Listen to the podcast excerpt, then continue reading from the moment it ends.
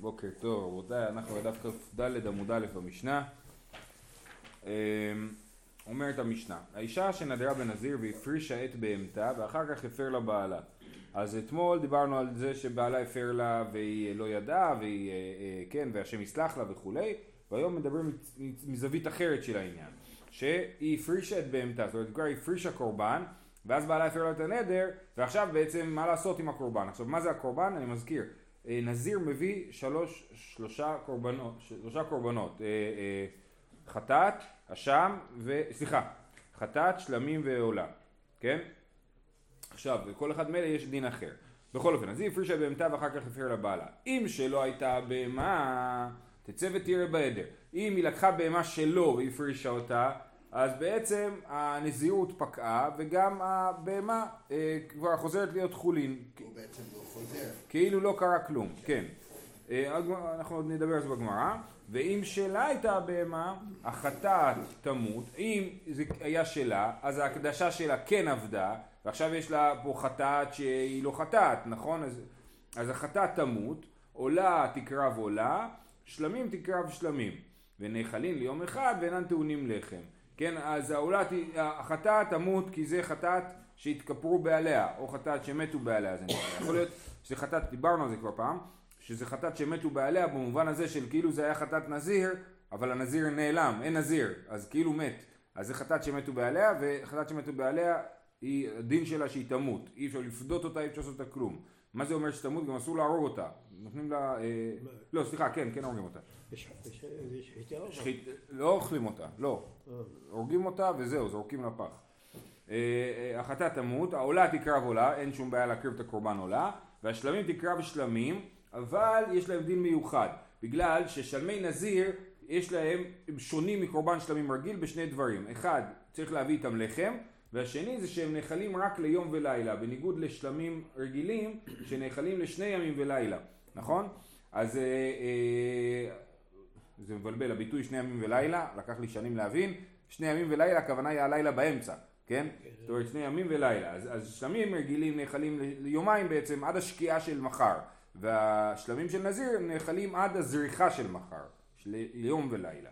אז אנחנו בשלמים של האישה הזאתי, אז הם נאכלים ליום אחד, אנחנו משאירים אותם עם הדין הזה שהם נאכלים רק ליום אחד, ואינן טעונים לחם, אבל לחם של נזיר לא צריך להביא.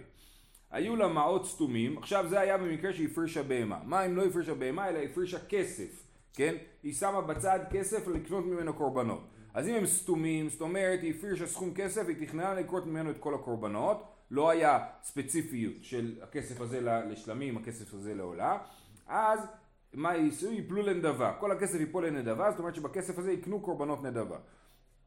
מעות מפורשים, אז יש לה שלוש קופות, על קופה אחת כתוב חטאת, על קופה שנייה כתוב שלמים ועל קופה השלישית כתוב עולה, אז דמי חטאת ילכו לים המלח, כמו שחטאת תמות, אז גם הכסף אי אפשר לעשות איתו כלום, זורקים אותו לים המלח.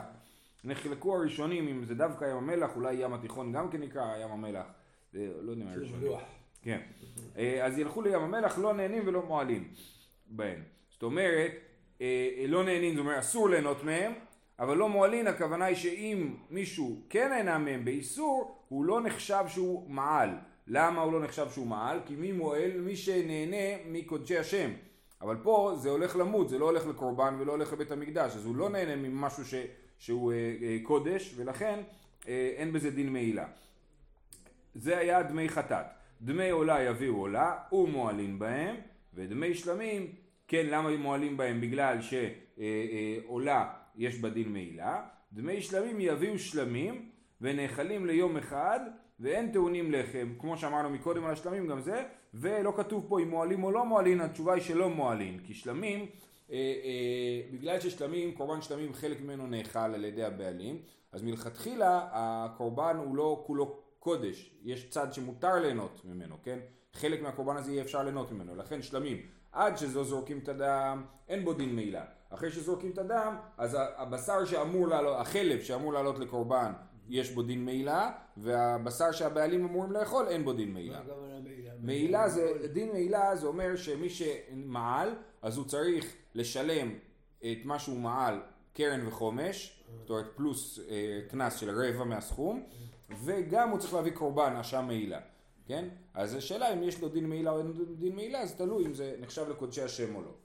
טוב, אומרת הגמרא, מן תנא דבעלו משתעבד לה כן, מה אנחנו רואים פה בהתחלת המשנה? שאם היא לקחה קורבן משלו ואז הוא הפר לה את הנדר, הקורבן חוזר להיות חולין, נכון? זה סימן שבעל לא משתעבד לה. אם הבעל היה משתעבד לה, אז היינו אומרים שאם היא חייבת קורבן, אז בעלה משועבד להביא את הקורבן הזה, וברגע שהיא הפרישה את זה, אז זה נחשב לקורבן, אז זה לא יכול לחזור אחורה. כמו שהקורבן שלה לא יכול לחזור אחורה, נכון? אמרנו אם היא הפרישה בהמה אז, אז לחטאת נגיד, אז החטאת הזאת תמות. למה כשהיא הפרישה מהעדר של בעלה אז אה, אה, אנחנו אומרים שזה חולין? סימן שהבעל לא משועבד לאשתו להביא את הקורבנות שלה. ובאמת היא לקחה כאילו היא לקחה בלי רשות, כאילו, כן? אז מה נתנא דבעל לא משתעבד לה? אמר רב חיסדא רבנני, דיסא לקדאיתך רבי יהודה היא, עמי תצא ותראה בעדר, המשתעבד לה. לפי רבי יהודה הבעל משועבד לאשתו לקורבנות שלה, ותענה רבי יהודה אומר אדם מביא קורבן עשיר על אשתו. וכן כל קורבנותיה שהיא חייבת שכך כתב לה בכתובה כל אחריות דאית לך עליי מין קדמת דנא. כן אישה התחתנה ואז אומרת לבעלה תשמע אני שכחתי לספר לך אני חייבת חטאת לבית המקדש כן או אני חייבת אה, קורבן מה שנקרא קורבן עולה ויורד קורבן עולה ויורד זה קורבן שאתה מביא אותו זה גם סוג של חטאת, שאתה מביא על, על, על חטא, ומביא אותו לפי מצב הכלכלי שלך. אז אם האישה התחתנה עם בעל עשיר, ואז היא אומרת לו, אני בעצם חייבת להביא קורבן עובל ויורד, אז הוא צריך להביא קורבן עשיר, כן, אדם מביא קורבן עשיר על אשתו, ככה כתוב פה, נכון? אה, וכן כל קורבנותיה שהיא חייבת. למה? כי הוא כתב לה כל אחריות שיש לך עליי מן קדמת דנא, כן? אני מחויב באחריות גם מקדמת דנא, מלפני שהתחתנו. אה, אז... אז זה רק אם הוא אומר את זה. זה... לא, זה כאילו לכאורה אחד מתנאי הכתובה, גם אם לא כתוב זה כאילו זה כתוב. אמ, בכל אופן, אז מה אנחנו רואים? שרבי יהודה חושב שאדם אחראי על המשועבד לקורבנות של אשתו, וכיוון שהוא משועבד לקורבנות של אשתו, אז כשהיא הפרישה את הקורבן בתור נזירה, אז הוא יצטרך, אז, אז אחרי זה כשהיא מפסיקה להיות נזירה, כי בעלה הפר לה את הנדר, עדיין הקורבן הוא קורבן, כי הבעל משועבד. ולפי רבנן, שהבעל לא משועבד לקורבנות אשתו, אז הקורבן הוא לא קורבן. זה מה שאומר רב חיסדא. איך הוא? כי הוא קיבל על עצמו. הוא אומר כל אחריות... אתה אומר שזה תנאי הכתובה, גם אם הוא לא קיבל על עצמו. כן, אבל יכול להיות שזה תנאי שאפשר לכתוב במפורש ההפך. יש תנאי כתובה שאתה לא יכול, אתה לא יכול להגיד על מנת שאין עליך להישאר כסות ועונה, נכון? אבל אתה כן יכול להגיד צי מעשה לך במזונותייך. אז יש, יש דברים גמישים ויש דברים פחות גמישים. אה, אוקיי, אז זה היה שיטת רב חיסדא שאומר שהמשנה שלנו כרבי יהודה. רב אמר, אה, סליחה, לא כרבי יהודה, כי רבי יהודה חושב שהוא אה, משועבד לה. רב, רב אמר, אפילו תאמר רבי יהודה, כי משועבד לה במילתא דצריכה לה, במילתא דלא צריכה לה, לא. אומר רבא, זה בסדר, אז מה אם הוא משועבד לה? עדיין, היא לא צריכה את זה, כי היא לא נזירה, ואם היא לא נזירה, אז הוא לא משועבד לה. אז זה יוצא מבנה מעניין.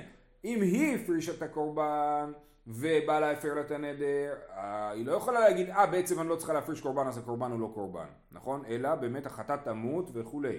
אבל אם בעלה, אז הוא אומר, אני חייב לך רק אם את חייבת להביא קורבן.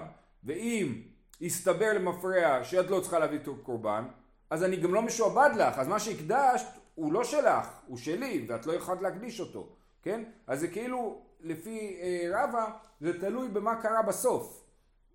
בסוף, אם היית צריכה להביא קורבן, אני משועבד לך ואני אביא לך את הקורבן. אבל אם את בסוף לא צריכה להביא קורבן... בגלל שהוא הפר לה. בגלל שהוא הפר לה, אז, אז, אה, אז, אז אה, בכלל, מה שהפרשת הוא בכלל לא מופרש, הוא שלי, הוא לא שלך. יפה. זה היה לישנה אחת, לישנה הפוכה. איכא דאמרי, מנתנא אמר רב חיסדא רבי יהודה היא. רב חיסדא אמר הפוך. קודם רב חיסדא אמר שזה רבנן ולא רבי יהודה, עכשיו אומר הפוך. דווקא רבי יהודה היא. וכי משועבד לה במילתא דצריכה לה במילתא דלא צריכה לה לא. זה כמו שמקודם רבא אמר, עכשיו רב חיסדא אומר את זה, כן? הם מחליפים אה, עמדות. אז רב חיסדא אומר, המשנה הזאת היא דווקא לרבי יהודה ולא לרבנן. למה זה לרבי יהודה? כי רבי יהודה אומר שמשועבד לה במה שהיא צריכה ומה שהיא לא צריכה לא משועבד לה כמו שהסברנו מקודם. ולכן באמת אם היא לא צריכה הקורבן חוזר להיות לא קורבן. אבל דהי רבנן לא משעבד לה כלל. אם זה רבנן, אה, הוא בכלל לא משועבד לה, זאת אומרת הוא בכלל, איך היא בכלל לקחה קורבן מהעדר שלו והפרישה אותו לקורבן, הרי זה שלו, זה לא שלה. אלא מה, איך, איך ידע מדי משועבד לה כגון דאקני עלה? אז יכול להיות שהוא אמר לה, את יודעת מה אין בעיה, אתה צריכה להביא קורבן, תביא מהעדר שלי, ואז בסוף הוא הפר לה את הנדר, כן? אם זה ככה היה, וכיוון דאקני לה, הווה דנפשה. אז זה שלה. אם זה שלה, אז אמרנו במשנה מה הדין שהקורבן שלה, שהוא לא חוזר להיות חולין. בסדר? גם אחר שהתחתנו זה העדר שלו או שלה? לא, העדר שלו. העדר, ש... גם אחרי שהתחתנו, העדר נחשב לשייך לו. ואז הוא אומר לה, תשמעי, את נדרת נזיר, בבוקר הוא קם על צד ימין, אמרת נדרת נזירה, אין לי בעיה, תהיי נזירה, אפילו תקחי מהכבשה שלי שתהיה קורבן. היא כבר מקדימה את המאוחר ולוקחת את הכבשה. כן? ואז בצהריים אומר לה בעצם, חשבתי על זה שוב פעם, לא מתאים שתהיי נזירה, יש לנו שבוע בחתונה, נשתה יין וכולי, לא, לא מתאים, כן? אז, אז, אה, אז עכשיו, מה יהיה הדין? לפי רבנן, שאומרים שהוא לא משועבד לה, הוא נתן לה קורבן, הוא בעצם נתן לה אותו במתנה, ו... אז עכשיו זה שאלה לגמרי, ואם זה שאלה לגמרי, ראינו שהדין שאם היא הפרישה קורבן, אז הקורבן כן נשאר קורבן, נכון? ואם הוא לא, ואם הוא לא הביא לה קורבן, אז אין שום, זה שהיא, מה פתאום היא לוקחת בכלל קורבן מהעדר של בעלה אם הוא לא משועבד לה לדבר הזה. ולכן המשנה לא מתאימה לרבנן, היא מתאימה דווקא לרבי יהודה שאומר שהוא כן משועבד לה. אז היא לקחה את זה על דעת השיעבוד, ובשיעבוד הזה אמרנו שיש לו תוקף רק אם באמת צריכה את הקורבן, אבל היא לא צריכה את הקורבן, היא לא צריכה, אה, אין שיעבוד. יופי, זה היה רב חיסדא, ורבא שוב פעם אומר ההפך, רבא אמר אפילו תימא רבנן. אפשר להסביר שהמשנה שלנו היא גם כרבנן, ואמרנו רגע אבל איזה מציאות מדובר פה כי מקני לה נמי במילתא דצריכה לה, במילתא דלא צריכה לה לא מקני לה. כאשר הוא הקנה לה את הקורבן, הוא אמר לה בבוקר, אמרנו, אין בעיה, קחי קורבן מהעדר שלי, אז, ואז בסוף הוא מפר לה, אז הקנייה שלו כאילו מפסיקה. זה לא כמו שרב חיסדא תיאר, שזה הקורבן, עכשיו זה הבהמה שלה והיא, ו, ואין דרך חזרה, אלא הוא הקנה לה על דעת זה שהיא נזירה. ברגע שהוא הפר לה והיא לא נזירה, אז כבר לא הקנה לה כאילו, וזה חוזר להיות של הבעל וחוזר לעדר וזה חולין. בסדר? אז אני מסכם, ראינו אה, אה, שתי אפשרויות, אה, יש לנו את המשנה, במשנה נאמר שאם זה, היא לקחה מהעדר של בעלה, אז, אה, אז הקורבן חוזר להיות חולין ולא נשאר קורבן, והסברנו האם זה לרבי יהודה או לרבנן, לפי רבא בשתי הלישנות זה אה, אה, לכולי עלמא, המשנה היא לשיטת שתיהם, והוא מסביר בכל צד למה זה אפשרי לשיטת שניהם, ורב חיסדא בלישנה הראשונה אומר שהמשנה היא דווקא לפי רבנן, ובלישנה השנייה אומר שהמשנה היא דווקא לפי רבי יהודה. בסדר? טוב, וייטר. יש נפקא מינה? מי אמר את המשנה? אה, כן. במיוחד אם רבא אומר שזה שני... לא, לפי רבא אין נפקא מינה, כן, לפי רב חיסדא יש, בין שתי הלישנות, כי אם אנחנו פוסקים כרבנן, אז... אז המשנה היא לא רלוונטית כאילו. כן. אה, וייטר, אומרת המשנה, אם שלה הייתה בהמתה, חטאת תמות ועולה תקרב. היא מינה לה, מאיפה בכלל יש לה בהמה? אמרת, מה שקנתה אישה קנה בעלה, יש לנו כלל שמה שאישה קונה בעלה קונה, אז מאיפה בכלל יש לה בהמות להפריש אותם? אמר רב פאפא, שקימצתה מעיסתה, היא התקמצנה על האוכל שלה. כן? אז צריך להסביר פה שלא מדובר על זוג שחי באופן נורמלי ותקין, אלא כמו שראינו במסכת כתובות בפרק חמישי על אדם שמשרה אשתו על ידי שליש, הסברנו שאדם יכול להחליט שהוא אה, אה, לא חי עם אשתו, והוא מחויב להביא לה סך מסוים של אוכל כל שבוע, והוא מחויב גם להיות איתה אה, פעם בשבוע. אה, אה, אז במצב כזה שיש לה כאילו תקציב לאוכל, היא יכולה להתקמצן על עצמה. ולהגיד, אני, תקציב שלי זה 100 שקל לשבוע, אני אקנה אוכל ב-80, יישאר לי 20, כן? אז זה, ואז זה שלה, זה הסבר אחד, איך יש לה בכלל אה, נכסים. היא בהתאמה דאקני לאחר, ואמר לה על מנת שאין לבעלך רשות בהם. אדם יכול להקנות דבר לאישה ולהגיד אני מקנה לך על מנת, בתנאי שלבעלך אין רשות בהם. ואז באמת זה אה, שייך לה ולבעלה אין רשות. כי אם בעלה יתפוס את זה כאילו, אז זה יפסיק להיות שלה, זה יחזור להיות של מי שנתן לה. כן? אז, אה, אז כאילו התנאי הזה הוא תנאי שעובד שבאמת מאפשר לאישה שיהיה לה את הנכסים משלה. זה יכול לעשות בעיות בין הזוג. נכון, כן. מישהו אחר נותן לה מתנה. נכון, נכון, כן. אולי, טוב, אולי זה קרוב משפחה שלה, זה אבא שלה. כן. אה, אבל נגיד אישה שיורשת, דיברנו על זה הרבה במסכת כתובות, נכון? אישה שנפל עליה נכסים, אז הפירות של הבעל והגוף של האישה. אה, הלאה, עולה תקרב עולה והשלמים תקרב שלמים, אמרנו, אה, אמר לי שמוע לאבוה בר איהי, לא תיטיב על כרך עד אמרת לי הדה מילתא. אה, ואלו הן ארבעה אלים שאינם טעונים לחם. לא ברור לי בדיוק איך הדיון פה עובד. אה, שנייה, אפשר להציץ? לא תשב עד שתאמר לי... לא ברור לי בדיוק מה הוא רוצה, אבל יש פה ברייתא. הברייתא אומרת, אלו הרי ארבעה אלים שאינם טעונים לחם. שלו ושלה ושלאחר מיתה ושלאחר כפרה. ועל זה אה, שמואל מבקש מאבו הבריא, אל תתיישב, תגיד לי ככה, עוד לפני שאתה יושב, מהר מהר תגיד לי, אני לחוץ על זה, כן? אני רוצה להבין את זה. מה הם ארבעת הדברים? אלים שאינם טעונים לחם. אלים זה אל נזיר, כן? זה מזכיר לי שיש עוד הבדל בין שלמים של אה, נזיר לשלמים רגילים. שלמים רגילים זה יכול להיות או זכר או נקבה, כן? ואל נזיר זה דווקא איל, דווקא זכר. אה, אז, אז הוא אומר לו, יש ברייתא שמדברת על ארבעה אלים שמביאים אותם בלי לחם. זאת אומרת, ארבעה פעמים שאל נזיר, שאמור לבוא עם לחם, בא בלי לחם. ואלו הן שלו ושלה ושלאחר מיתה ושלאחר כפרה. עכשיו הוא מבקש שיסביר לו את זה. אז הוא אומר, שלה עד האמרן, שלה זה המשנה שלנו, נכון? שהיא אה, אה, הפרישה שלמים לנזיר, הפרישה עי לנזיר, לקורבן, ואז בעלה הפר לה את הנדר, אז אמרנו שמפרישים את ה... אה, מקריבים את הקורבן והוא קורבן שלמים ונאכל ליום אחד אבל לא מביאים לחם. למה? כי כתוב שעל כפיו תביאנה, משהו כזה, יש פסוק שאומר שהוא יביא את הלחם על כפיו, הנזיר, ואין לו כפיים של נזיר, כי הוא לא נזיר, אז אי אפשר להביא לחם. אה, זה שלה. שלו, אה, שלה עד דאמרן, שלו דתנן, האיש מדיר את בנו בנזיר, ואין האישה מדרת את בנה בנזיר, כן, אדם יכול להחליט שהבן שלו יהיה נזיר, אבל האישה לא יכולה, ראי, אה, דרך אגב זה מה שקרה עם הרב אה, הנזיר, הוא החליט שהבן שלו יהיה נזיר, הרב של יישוב הכהן שנפטר לא מזמן, היה הרב של חיפה, אז אבא שלו החליט עליו שהוא יהיה נזיר כשהוא היה קטן, ואם אני לא טועה הוא היה נזיר עד גיל 18, אני לא יודע בדיוק איך הסיפור נגמר שם, אבל אה, כן, בדורנו היה דבר כזה.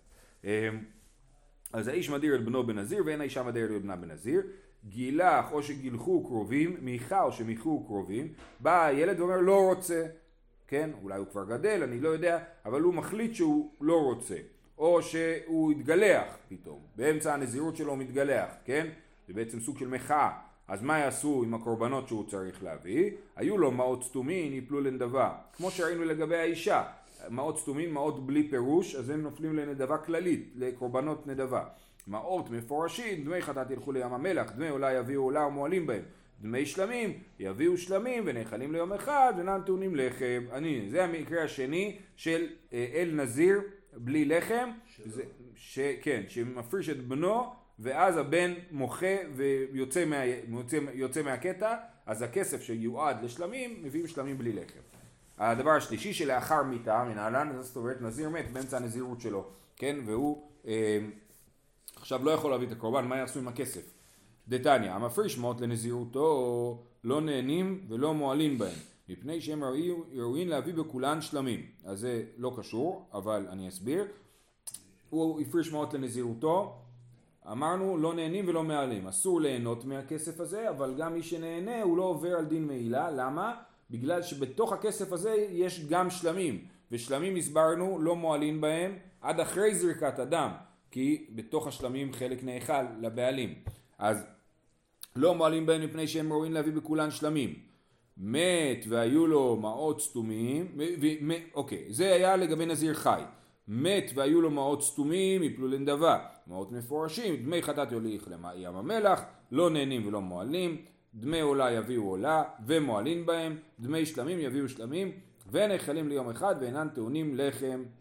זה לגבי נזיר שמת, הילדים שלו מביאים את. אם הכסף היה מפורש, הם רואים, באים ל...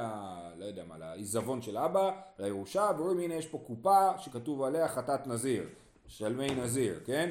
אז השלמים, כמו שאמרנו, נאכלים רק ליום אחד ובלי לחם. אה, והאחרון שלאחר כפרה, זאת אומרת נזיר לדוגמה, איבד את הכסף שלו או את הבהמה שהוא הפריש ומצא אותה מחדש. נגיד כסף זה יותר הגיוני. הוא לקח איזשהו סכום כסף, שם אותו בתוך שקית, כתב על זה שלמים. כן? ואז הוא לא מצא את זה, הגיע הזמן לגלח את השערות, אז הוא הביא כסף אחר, ואז הוא מוצא את זה, הוא לא יכול להשתמש בכסף כי הוא כבר הקדיש אותו כאילו, אז לכן זה אה, יהיה אותו דבר, את השלמים הוא יביא כמו שלמי נזיר נאכלים ליום אחד בלי לחם. סברה הוא, מאיפה אנחנו יודעים את זה? שלאחר מיתה מה דלוחזיה לכפרה, שלאחר כפרה נמי הלוחזיה לכפרה, כן, אז אז סברה הגיונית, למה הוא לא יביא את השלמים עם לחם? בגלל שכבר לא צריך כפרה, הנזיר כבר עשה את התהליך, את התהליך של הגילוח ולכן הוא לא צריך להביא את זה עם לחם. שואלת הגמרא ותולי כמה יש רק ארבע אה, אה, אלים שאינם טעונים לחם, יש עוד, והאיכא ושאר כל שמי נזיר ששחטן שלו כמצוותן כשרין ולא עולים לבעלים לשם חובה ונאכלים ליום אחד ואינם טעונים לחם. אם שחטו את השמי אה, נזיר שלא כמצוותן כן? שלא מצוותן רש"י פה אומר שמצוותן להביא בין שתי שנים לשם שלמי נזיר. הוא הביא איל צריך להביא איל בן שנתיים. מה זה בן שנתיים? בשנתו השנייה כן? בן שנתיים לא כמו שאנחנו אומרים היום, על מישהו שהוא בן שנתיים הוא בעצם כבר בשנתו השלישית, כי היה לו יום הולד שנתיים, עכשיו הוא בשנה השלישית שלו. אז בן שנתיים הכוונה היא בתוך השנה השנייה שלו, זה מה שצריך להביא, זאת אומרת העדר, נכון? ילדו מתי? באזור פסח? אז אחרי פסח הבא זה, עכשיו הוא מתחיל את השנה השנייה שלו והוא יהיה בן שנה, במשך שנה, בן שנתיים. אמ, אז אה, אם הוא לא הביא אותו בגיל הנכון, אז אוכלים את זה, כמו שאמרנו, ליום אחד ואינם טעונים לחם ולא זרוע. עוד דבר שהשלמי נזיר מביאים זרוע לכהן. בנוסף למה שמביאים לכהן בדרך כלל מהשלמים, שזה החזה והשוק, הנזיר מביא גם זרוע ויש לזה דין מיוחד שמבשלים את הזרוע הזאת בסיר, שאמרנו שהשערות של הנזיר הם האש של הסיר הזה, אז גם כאשר האל נזיר נעשה שלא כהוגן, אז אה, הוא לא, לא צריכים להביא זרוע. אז בקיצור, כאן נגמרת הקושייה. מה הייתה הקושייה? אמרת שיש רק ארבע שלמי נזיר שבאים בלי לחם, הנה עוד אחד, מי שנעשה שלום כמצוותו. עונה הגמרא כמצוותן כחשיב, שלא כמצוותן לא כחשיב. זאת אומרת, פירטו ארבע מקרים שיכולים לקרות באופן תקין, זאת אומרת אדם, אישה אה, נדרה בנזיר ובעלה הפר לה, הכל בסדר, כולם היו בסדר בסיפור והדין הוא שהוא מביא את הקורבן בלי לחם. כל הסיפורים האלה זה סיפורים שהם בסדר. הסיפור הזה שהם עשו שלא כמצוותם, הם עשו לא בסדר, אז לא על זה מדברים. כן, מדברים על דברים שנעשו כמצוותם. זהו, יישר כוח של כולם. כוח עצום הרב. בוקר טוב, יום טוב.